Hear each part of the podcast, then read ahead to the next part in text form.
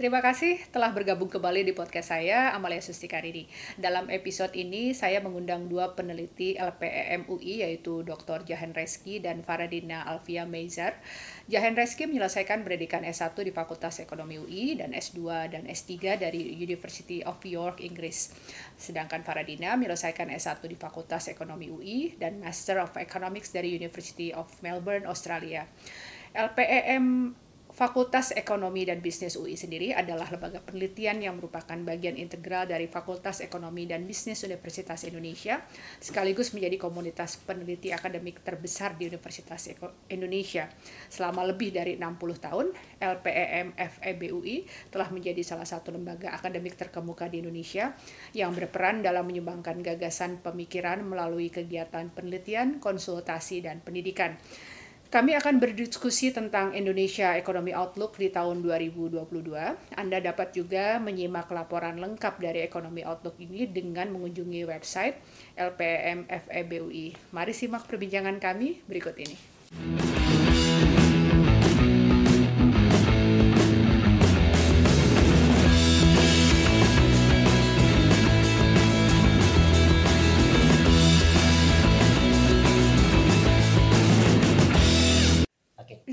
Oke, uh, selamat sore. Assalamualaikum warahmatullahi wabarakatuh. Apa kabar Mas Jahen dan Mbak Dina dari LPU, LPEM Universitas Indonesia? Semoga dalam kondisi sehat dan kabar baik selalu ya Mas Jahen dan Mas Reski. Uh, sorry Mas Jahen dan Mbak Dina. Sama-sama Mbak Maria. Sama-sama Bu Amalia. Iya. Sebelumnya terima kasih banyak sudah uh, memenuhi undangan saya untuk berbincang-bincang di podcast uh, saya kali ini. Saya siapkan episode spesial untuk Indonesia Economic Outlook 2022. Uh, tahun lalu juga kita ngobrol bareng ya Mas Jahen ya dan waktu itu bersama ya. Mas Rifki untuk uh, kita berdiskusi tentang Indonesia Economic Outlook ini.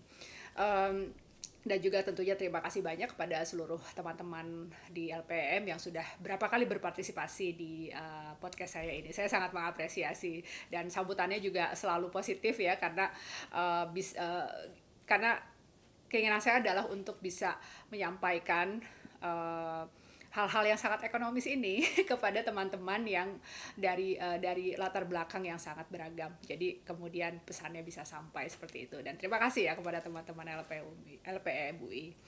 Oke, okay, uh, jadi fokus kita memang ke Indonesia Economic Outlook dan terakhir ini saya lihat reportnya cukup komprehensif ya dari yang memang bersifat sangat mikro gitu dan terutama pastinya difokuskan kepada recovery COVID, uh, pandemi COVID-19 dan tapi kita juga tidak bisa apa kita juga harus uh, memperhitungkan dua event global yang tentunya sangat berperan juga uh, kepada perekonomian domestik kita yaitu G20 dan uh, uh, pertemuan apa uh, untuk perubahan iklim di Glasgow ya pada tahun ini dan di, diadakannya pada saat yang berdekatan. Oke, untuk pertanyaan pertama nih, Mas uh, Jahen dan Mbak Dina ya, dalam Indonesia Economic Outlook 2022 itu disebutkan tentang bidding farewell to recession. Nah tahun lalu saya ingat Mas Jahen sama Mas uh, Mas Rifki waktu itu bilang kalau nggak usah khawatir sama resesi gitu. Jadi kalau baca uh, outlooknya LPM tuh kita bawaannya optimis aja sih gitu ya. Apalagi saya orang awam yang di luar uh, kajian ekonomi gitu. Kita kan kayaknya kalau denger resesi itu udah stres duluan gitu. Tahun ya. lalu katanya jangan khawatir, sekarang malah kita bidding farewell gitu. Jadi uh, kita say goodbye sama resesi. Nah, ini memicu keinginan tawan keingin tawan saya sekali lagi yang tidak berdasar uh, yang tidak memiliki background ekonomi dalam situasi covid uh, pandemi yang berkepanjangan apalagi kita itu ditambah lagi dengan delta ya yang nggak cuma di Indonesia saya juga di sini mengalami dampak yang luar biasa nah bagaimana untuk bisa menjelaskan pernyataan ini Mas uh, Jahen dan Mbak Dina bahwa ternyata kita bisa mengucapkan selamat tinggal nih pada resesi. Ya. ya. Baik, uh, terima kasih nih Mbak Amalia kita diundang lagi. Nih LPR juga merasa terbantu karena sekalian untuk disseminate apa yang kita kerjakan betul, ke halayak ramai ya, khususnya okay, ke iya. non ekonomi ya. Jadi menjawab pertanyaan yang mungkin berat tadi ya. Jadi isu resesi itu mungkin kita perlu pahami terminologi dulu. Jadi kenapa kita anggap resesi itu karena pertumbuhan ekonomi, jadi output yang dihasilkan oleh suatu perekonomian itu lebih rendah dibandingkan periode sebelumnya. Oke. Okay. Nah, kalau misalnya kita pakai data, itu ada terminologinya berdasarkan year on year. Jadi apakah misalnya pertumbuhan ekonomi pada saat ini, jadi mau contoh pada bulan April, Mei, Juni pada tahun 2021 dibandingkan dengan bulan April, Mei, Juni di tahun 2020. Oke. Okay. Ya. Jadi kalau misalnya output perekonomian kita pada tahun 2021 periode X dibandingkan dengan periode sama 2020 meningkat, maka itu dianggap tumbuh. Oke. Okay. Ya kan? Sebaliknya, kalau misalnya output perekonomian jadi semua barang jasa yang dihasilkan dalam satu hmm. perekonomian itu turun, hmm. maka itu dianggap sebagai uh, pertumbuhan ekonomi negatif. Hmm. Nah, kapan dianggap resesi? Kalau dua triwulan, jadi enam bulan, 6 bulan okay. jadi dua triwulan yang berdekatan, itu pertumbuhan ekonominya lebih rendah dibandingkan periode yang sama tahun sebelumnya. I see, oke. Okay. Hmm. Gitu. Jadi contoh pada bulan April, Mei, Juni, terus Juli, Agustus, September, hmm pertumbuhan outputnya lebih rendah dibandingkan dengan tahun sebelumnya. Hmm. Nah, kita mengalami itu di 2020 sampai awal 2021. Okay. Jadi kalau Mbak Maya ingatkan kita di awal COVID itu Maret, April, uh, Mei itu kan langsung tunggu Januari, Februari, Maret, April, Mei, Juni, sorry. Hmm. hmm. Itu triwulan 2 itu kan kita negatif 5,32 kan ya. Hmm, okay. Karena pada saat itu pemerintah bikin uh, kebijakan restriksi, nggak hanya Indonesia, semua negara dunia itu bikin hmm. restriksi orang nggak bisa pergi ke mana-mana, nggak bisa pergi kerja, nggak bisa pergi liburan dan sebagainya, akibatnya output perekonomiannya turun. Dan itu berulang pada periode berikutnya karena kita masih agak anxious ya, cautious, hati-hati dan sebagainya. Nah, tapi karena karena dibandingkan periode yang sama di 2020 itu ekonomi kita sudah mulai pulih, maka secara secara relatif terjadi peningkatan output. Jadi kalau kita lihat pada 2021 di bulan yang sama, ya di bulan April, Mei, Juni tadi, outputnya lebih tinggi dibandingkan dengan periode yang sama di 2020. Okay. Ya, jadi in terms of growth mm-hmm. kita lebih baik. Lebih baik. Ya, itu dianggap sebagai farewell okay. to yes, okay. farewell to recession. Nah, apa apa kenapa mungkin pertanyaannya kenapa yeah, kita yeah. bisa tumbuh? Kenapa mungkin bisa jawabannya tumbuh, ya? pertanyaannya buat Dina itu. Silakan Dina. Nah, oke. Okay. Uh, kenapa di kuartal 2 2021 kita keluar resmi keluar dari resesi itu sebenarnya ada lima alasan uh, bisa dijelaskan sama lima alasan tadi yang pertama uh, betul dibandingkan dengan uh, data tahun 2020 yang memang uh, kuartal 2 bulan April hmm. Mei Juni itu uh, ekonomi uh, PDB kita turun sekali uh, waktu itu uh, negatif 5,32 persen. Hmm. Kemudian yang kedua uh, di periode April sampai Juni 2021 pembatasan sosial cenderung lebih uh, longgar, hmm. jadi mobilitas mobilitas lebih tinggi sehingga pengelua peningkatan ada peningkatan pengeluaran di kuartal tersebut. Jadi ada peningkatan ya. konsumsi ya di kuartal tersebut. Betul. Ya, okay. ya. kemudian momen Idul Fitri di kuartal uh, uh, pertumbuhan uh, ekonomi di kuartal yang ada momen Idul Fitrinya itu cenderung lebih tinggi dibandingkan hmm. pertumbuhan ekonomi kuartal lain di tahun tersebut. Hmm. Kemudian uh, pemerintah juga masih uh, terus memberikan stimulus untuk masyarakat dan juga bisnis uh, seperti misalnya uh, um, pembebasan PPNBM dan pembebasan PPN untuk okay. pembelian rumah dengan maksimal uh, harga 2 miliar. Okay. Terakhir uh, ada um, ekonomi global mulai pulih sehingga harga komoditas misalnya sawit atau uh, batu bara meningkat sehingga ekspor Indonesia juga uh, bisa naik yang mendukung pertumbuhan ekonomi di kuartal tersebut. Begitu Ibu Amalia. Oke, okay, oke. Okay. Berarti uh, menarik ya bahwa uh, sebetulnya mungkin ini bukan fenomena yang uh, terlalu baru ya bahwa terutama tadi kalau setiap uh, Lebaran setiap hari raya itu kemudian hmm. konsumsi kita naik dan ternyata itu juga uh, berkontribusi pada uh, pen, uh, bagaimana kita bisa keluar dari resesi dan memang kemudian pelonggaran pembatasan sosial itu cukup signifikan ya Mbak Dina dan Mas Jahen ya untuk uh, kita bisa uh, meminimalisir atau bisa keluar dari resesi jadi dengan kata lain bahwa walaupun uh, pandemi berlangsung tapi kan ada dinamika ya di dalam pandemi itu sendiri jadi nggak konstan gitu. Itu yang kemudian menyebabkan bahwa tingkat resesi kita ini ternyata uh, bisa bisa di manage gitu ya. Dan kita sesuai dengan tadi yang disampaikan uh, dalam report bahwa kita bisa uh, mengucapkan selamat tinggal pada resesi ini. Dan mudah-mudahan ini bisa memang menjadi sinyal yang baik ya untuk kemudian perbaikan dan pertumbuhan ekonomi kita uh, pada masa kita nggak bisa bilang pre pandemi eh post pandemi sih ya karena kondisinya kan sangat masih, betul. masih betul iya. betul sangat uncertain sangat tidak pasti tapi setidaknya untuk upaya-upaya recovery ini bisa memberikan harapan di tahun-tahun di tahun depan dan tahun-tahun berikutnya. Terima kasih sekali penjelasannya Mas Jahen dan uh, Mbak Dina. Nah uh, so, nah tadi sudah sempat disampaikan oleh Mbak Dina tentang uh, komoditas ya itu ada kelapa sawit. Jadi uh, tentunya kita uh, harus juga memperhitungkan kan bagaimana ekspor dan impor ini berperan dalam uh, satu tahun terakhir ya perekonomian kita ini dan juga dikaitkan tadi uh, bagaimana bisa bisa menunjang pertumbuhan dan kemudian bisa meminimalisir uh, resesi. Mungkin bisa dijelaskan Mas uh, Mas Jahen dan Mbak Dina uh, ekspor dan impor apa saja yang masih mendominasi dan uh, prospeknya bagus gitu ya uh, di sepanjang tahun 2021 ini. Ya, uh, mungkin sebelum jawab apa yang prospek ya kita hmm. juga perlu melihat memang pandemi ini mempengaruhi perdagangan secara global ya hmm, ya. Okay, Jadi ya. kalau kita berdagang kan itu juga tergantung dengan kondisi ekonomi Betul. negara partner kita ya. Dan pada masa pandemi kita melihat uh, hampir semua negara mengalami kesulitan hmm. dalam perekonomian. Jadi Cina, Amerika Serikat, juga Vietnam yang mungkin waktu itu kondisi hmm. ekonominya masih baik karena bisa contain virus juga hmm. uh, mengalami kesulitan ya. Jadi ada banyak faktor yang yang mempengaruhi performa dari perdagangan internasional kita. Pertama hmm. adalah gara-gara pandemi tentunya ada perubahan dalam supply dan juga demand dalam perdagangan. Hmm. Jadi kalau kita lihat di banyak negara yang terkena dampak pandemi, adanya mobility restriction dan sebagainya tentunya mempengaruhi demand mereka terhadap iya. produk-produk yang dihasilkan oleh Tenggara. Hmm. Tapi di saat yang sama ketika um, adanya pandemi juga kebutuhan akan beberapa produk juga semakin meningkat. Gitu. Hmm. Nah, imbasnya adalah terjadi perubahan harga. Jadi kalau kita lihat pada masa pandemi 2020 sampai 2021 itu harga-harga komoditas itu meningkat. Kenapa? Karena memang pertama supply barangnya terbatas. Yeah. Kadar ya, supply, supply chain terganggu juga ya Mas ya. Betul. Jadi ketika supply barangnya terbatas sedangkan permintaannya nggak berubah, tentunya kan harganya Betul, akan, akan naik. Dan pada kondisi itu juga Indonesia nggak tahu beruntung atau enggak ya kita kita dominan itu mengekspor barang-barang entah raw materials. Hmm.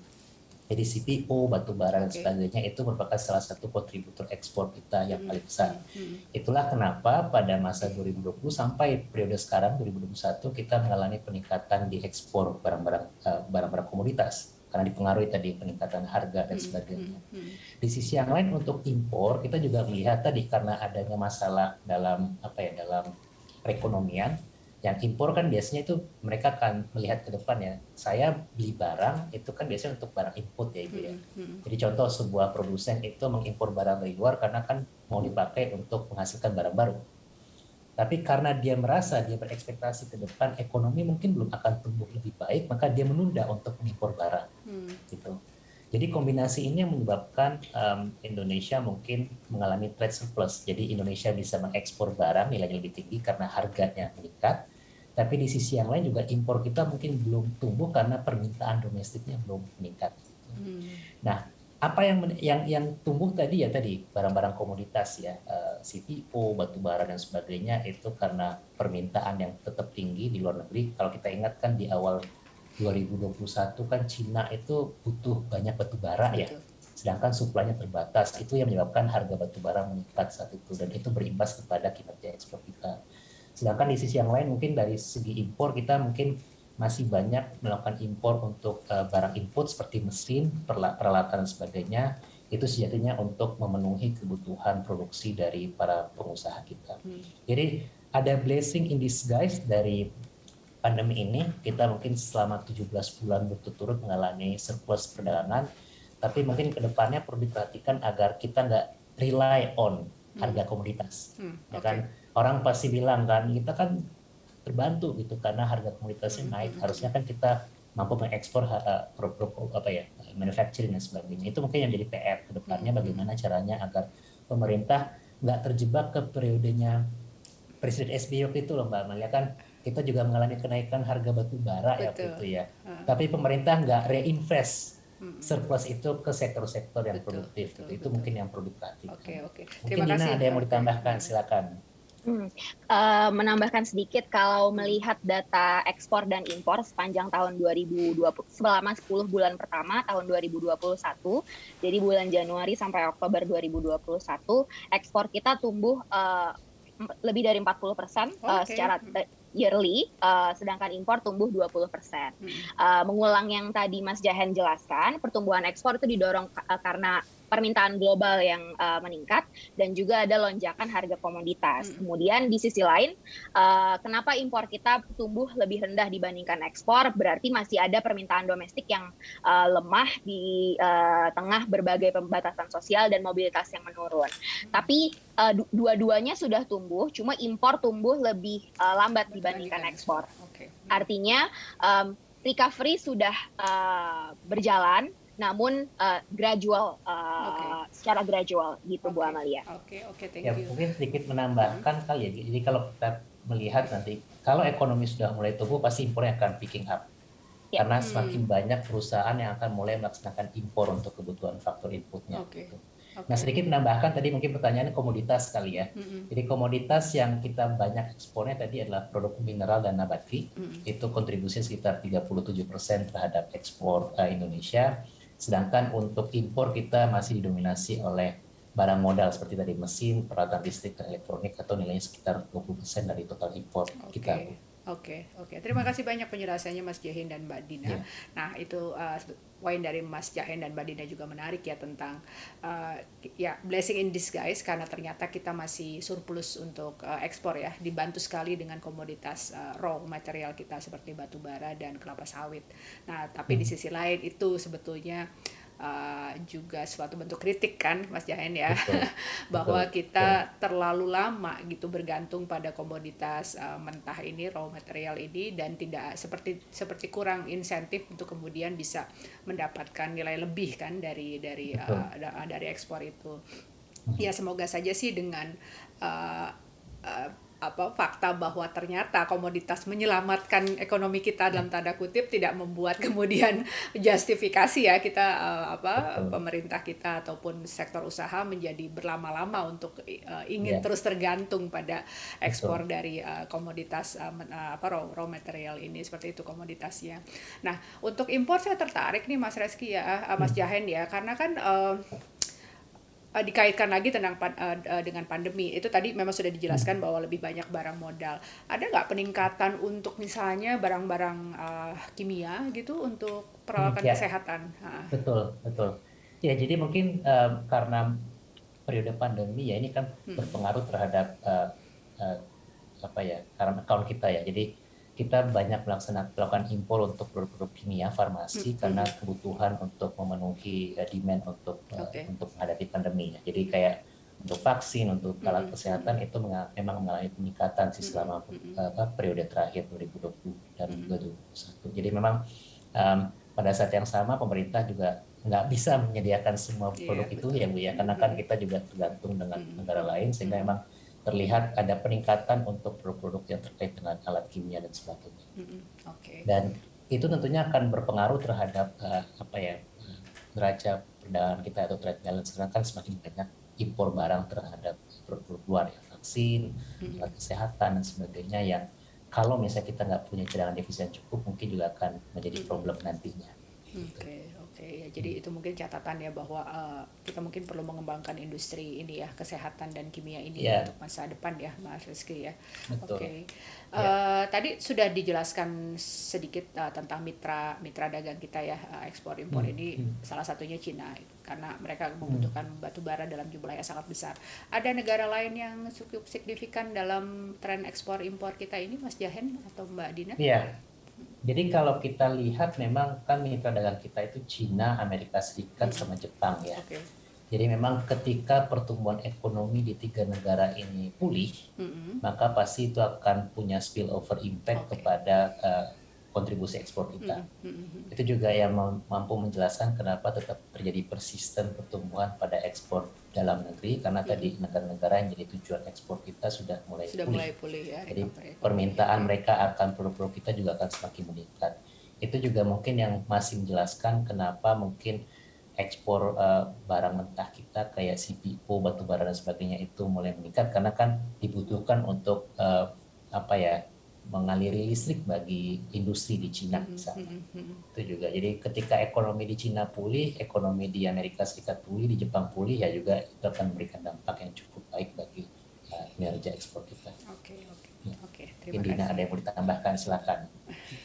Uh, mungkin sedikit uh, kita juga uh, China lagi ada uh, ban uh, ekspor uh, sorry ban impor uh, batu bara dari Australia okay. makanya impor oh, uh, betul, makanya betul. ekspor bat, uh, batu bara dari Indonesia naik jadi ekspor kita nilai ekspornya okay, naik mungkin okay. itu salah satu blessing in disguise juga buat Indonesia. Iya betul betul saya juga yeah. apa sempat mengamati ya berita ini ya jadi uh, uh, kita bisa mengambil keuntungan dari dari konflik gitu ya. Konflik antar dua negara ini. Saya pernah mengundang perwakilan dari uh, Kementerian Perdagangan dari ITPC uh, eh, Sydney waktu itu sehubungan dengan IASEPA yang perjanjian kompreh perdagang komprehensif dengan Australia, Australia dan Indonesia. Ya salah satu poin dari Bu Ayu ini sama gitu bahwa Indonesia bisa mengambil keuntungan dari uh, friksi ya antara antara Cina dan yeah. Australia ini untuk barang-barang tertentu gitu dan kita memang yeah. uh, perlu untuk memanfaatkan momen ini dengan baik seperti itu. Yeah. Okay. Mungkin nggak relevan sih, tapi memang setiap ada perang dagang itu Indonesia cukup diuntungkan. Oh gitu ya. Uh, Kalau ada studi dari Pak Revi sebenarnya tentang oh, okay. uh, Cina dengan Amerika itu memang ditunjukkan um, demand dari Amerika juga meningkat karena kan biasanya dipasok oleh Cina ya. Betul, betul, Tapi karena betul. mereka perang, ya produk Indonesia masuk ke Amerika Serikat. Okay. Jadi sebaliknya gimana? juga Sebaliknya juga Cina juga mungkin biasanya minta barang ke Amerika tapi karena perang ya mereka mintanya ke Indonesia. Indonesia. Jadi, Jadi gimana kita ngarepin terus-terusan nih perang dagang ya? Enggak juga ya. karena ngerinya eskalasi ke hal-hal lain ya dari dagang betul, kan. Betul, betul. Nanti laut Tiongkok panas lagi ya, tapi ada uh, ada keuntungannya betul. Oke, terima kasih ya. menarik sekali diskusi kita Mas Jahen dan hmm. Mbak Dina. Nah, ini berikutnya dari uh, level nasional kita mau ke global nih uh, kita uh, dunia tertuju pada satu perhelatan global yang sangat besar ya. Uh, itu G20 di Italia dan kemudian handover kepemimpinan ke Indonesia. Ini sudah cukup gegap gempita lah ya di di uh, di sounding itu di dalam negeri di Indonesia dan respon dari dunia luar pun kelihatan uh, terlihat baik ya dan uh, percaya gitu pada kepemimpinan Indonesia dan cukup banyak harapan yang dibebankan kepada Indonesia uh, terutama dalam rangka recovery pandemi khususnya untuk uh, memperjuangkan kepentingan dari negara-negara berkembang uh, karena Indonesia masih mewakili negara-negara berkembang. Nah di luar uh, kesibukan kita mempersiapkan diri sebagai tuan rumah ya ya Mandalika lah gitu kan ya persiapan tempat di Bali dan lain-lain uh, boleh Mas Jahen atau dan Mbak Dina menjelaskan apa ya kira-kira yang bisa dilakukan Indonesia dalam kapasitas kepemimpinan di G20 untuk pemulihan ekonomi global ini dan tentunya dikaitkan juga dengan upaya serupa di dalam negeri mengingat kita juga tentunya masih uh, harus menjalani proses recovery yang cukup panjang. Kapan Dina mau mulai dulu? Dina lagi freeze. Ada dulu aja kan nanti aku tambahin. Oke. Okay. okay. ya, um, ya jadi kebetulan emang ini momen yang pas ya Mbak Malia ya ada G20 karena kita punya pandemi mm -hmm. dan memang G20 ini punya apa ya uh, good experience before ketika menghadapi krisis financial di 2008. Oke, okay, tahun 2008. Oke, okay, betul betul. Yes, betul. Jadi mungkin ini adalah saat yang tepat untuk meningkatkan apa ya kontribusi atau peran dari eh, negara-negara G20 untuk bisa memastikan uh, pemulihan ekonomi yang baik dan itu juga sesuai dengan tema yang diusung ya recover uh, strong uh, recover together and recover recover stronger ya. Okay. Jadi um, apa mungkin peran Indonesia saya rasa uh, memang isunya adalah bagaimana caranya memastikan agar semua negara itu bisa pulih secara bersama-sama. Nah, betul. Okay, yeah. Dan kita melihat sekarang kan pada masa pandemi ini Omicron kenapa tumbuh karena memang di Amerika di Afrika Selatan kan tingkat vaksinnya inequal dibandingkan dengan yeah. negara maju. Betul dan isu-isu inequality ini mungkin jadi satu hal yang penting karena selagi banyak negara belum bisa menyelesaikan isu COVID ya karena masalah vaksin dan sebagainya kita nggak akan bisa tumbuh secara bersama. Terus yang kedua mungkin dari segi posisi kali ya. Indonesia kan mungkin dianggap sebagai salah satu negara berkembang dan, mungkin bisa membawa isu-isu yang related dengan uh, apa yang dihadapi oleh negara berkembang. Dan saya rasa mungkin ini bisa menjadi posisi kita yang paling baik agar nanti uh, bagaimana caranya agar hal-hal uh, yang krusial yang dihadapi oleh negara berkembang itu bisa bisa dilaksanakan secara baik. Hmm. Ini juga related dengan beberapa uh, isu yang diangkat ya. Pertama kan terkait dengan masalah produktivitas dan sebagainya. Terus juga dalam presidensi itu juga pemerintah ataupun Indonesia juga berencana untuk bagaimana memastikan bahwa semua negara di G20 itu bisa resilient bisa terhadap future potential pandemic atau external crisis gitu.